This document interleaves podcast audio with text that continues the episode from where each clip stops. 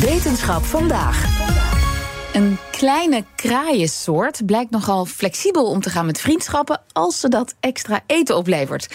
Ja, hoe dat precies zit, bespreken we met wetenschapsredacteur Carlijn Meinders, terug van vakantie. Hey ja, Carlijn, goed heel dat je er fijn bent. om er weer te zijn. Even kijken of ik dit nog kan. Ja, Vast wel. ik denk het ook. Maar dit, dit lijken me vogels eh, zonder principes. Ja, ja, nou, een bijna wel. Je hoort het straks allemaal. Het gaat om een kleine vogel uit de kraaienfamilie. In het Nederlands een koutje. Ja. In het Engels een jackdaw. En met die vogels hebben onderzoekers van de Universiteit van Exeter een experiment gedaan waarin ze zich dit afvroegen. could jackdaws really learn to adjust who they associate with depending on the benefits that they get? Ja, je hoort hier onderzoeker Alex Thornton. Eh, nou weet ik, Kees, dat jij het liefst eh, meteen wil weten... waarom ga je zoiets nou onderzoeken met deze Ja, vogels? dat is eigenlijk mijn standaardvraag bij Ja, wetenschap. nou, dan gaan we gewoon meteen eh, die kant op. Het idee is al heel lang dat de evolutie van intelligentie, ook het ontstaan van die van ons dus, wordt gedreven door sociale interactie. Dat wil zeggen, rekening houden met de mensen om je heen, in de gaten houden wat erin verandert, wie houdt je te vriend, heb je iemand om op terug te vallen, wie help je zelf, al die dingen en de veranderlijkheid daarvan, dat moet ervoor hebben gezorgd dat we zo slim zijn geworden. Maar dit zijn hele moeilijke dingen om te testen en dus ook om te bevestigen En waarom zo moeilijk? Omdat je dit heel moeilijk kunt bestuderen zonder die sociale situaties, dus onze relaties eigenlijk, op de een of andere manier te beïnvloeden. Eh, en ook is het interessant om dit gewoon bij andere intelligente dieren te bekijken, want we zijn niet alleen. En de kraai is daar zeker eentje van. Als je straks de opzet van het onderzoek hoort, dan snap je ook eh, dat er wat eh, ethische en praktische bezwaren zijn om ditzelfde met mensen te doen. Oké, maar met die kraaien kan dat dus prima. Ja, ja, maar het valt voor hun echt heel erg mee. Eh, deze lokale groep van honderden kraaien is wild. Eh, ze worden wel al zeker twaalf jaar bestudeerd door deze onderzoekers. Ze hebben daarom al een ringetje om hun pootje met daarin ook een chip. Niet groter dan een korreltje rijst. Dus een beetje vergelijkbaar met waarmee ze honden en katten uitrusten. Eh, dus die vogels die zijn te volgen. Nou wilden ze kijken naar die relaties, want deze vogels hebben een voorkeur met wie ze rondhangen. In hun eh, leefgebied worden naast elkaar eh, werden daar twee voederkastjes gezet. Niet al te groot, met doorzichtige wandjes. Dus de vogels konden zelf ook zien, daar zit eten in. Niet zomaar eten, maar hun lievelingssnack, meelwormen. Eh, ze lieten ze even wennen aan die kastjes. En vervolgens verdeelden ze de koutjes in twee groepen. Maar hoe kon dat dan? Want het waren wilde vogels. Ja, eh, op papier. Dus eh, die vogels zelf, die wisten dat niet. Vervolgens programmeerden ze de kastjes zo dat ze alleen open gingen als twee vogels uit dezelfde groep samen klaar Aha. gingen zitten, elk bij één luikje. Maar ja. Als je aan het begin niet doorhebt dat dit moet, dan ga je eerst met je beste vriend daarheen of eh, met je partner misschien. Maar dan gebeurde er niets, geen meelwormpjes. If you want to maximize the amount of food you get, you need to learn who to hang out with. And you know, you may have some friends who are in the wrong group.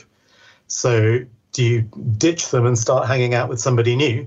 Nou, het duurde niet lang voor de vogels door hadden wat er van ze verwacht werd en ze zich aanpasten. En, en wat is niet lang?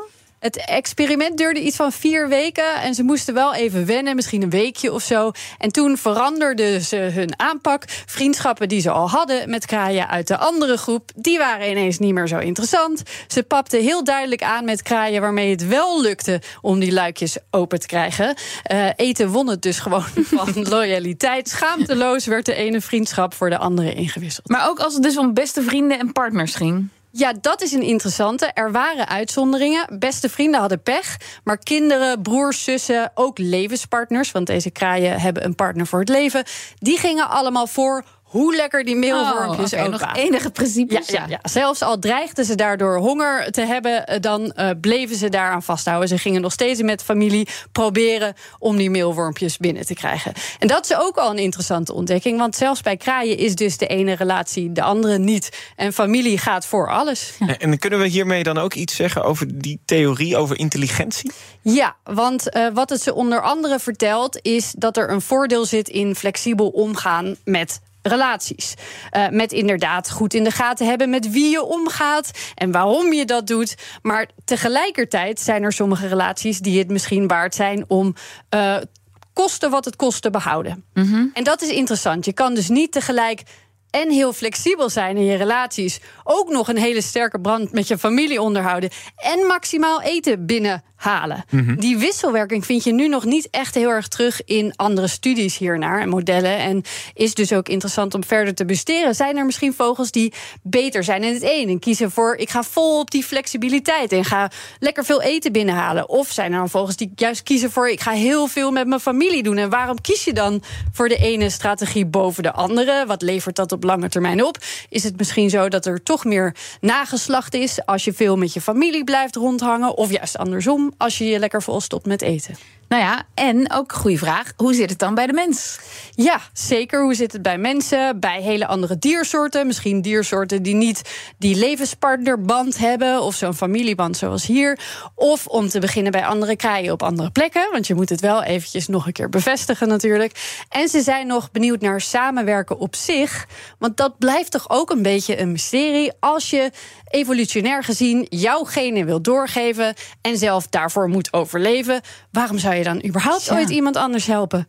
Tenzij misschien als het je familie is, want daar zitten dezelfde genen een beetje. Ja. Dus daar zit ook weer iets interessants en daar gaan ze ook nog naar kijken. Dus binnenkort zitten wij eh, voor een snackbar die alleen open gaat als je met je beste vriend of juist iemand uit een andere vriendengroep Nou, eh, voor het mixen zou het dan leuk zijn als dat dan weer iemand uit een hele andere groep Ja. is. Ja. Goeie.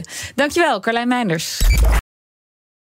Ook Bas van Werven vind je in de BNR-app. Ja, je kunt live naar mij en Iwan luisteren tijdens de ochtendspits. Je krijgt een melding van Breaking News. En niet alleen onze podcast Ochtendnieuws, maar alle BNR-podcasts vind je in de app. Download nu de gratis BNR-app en blijf scherp.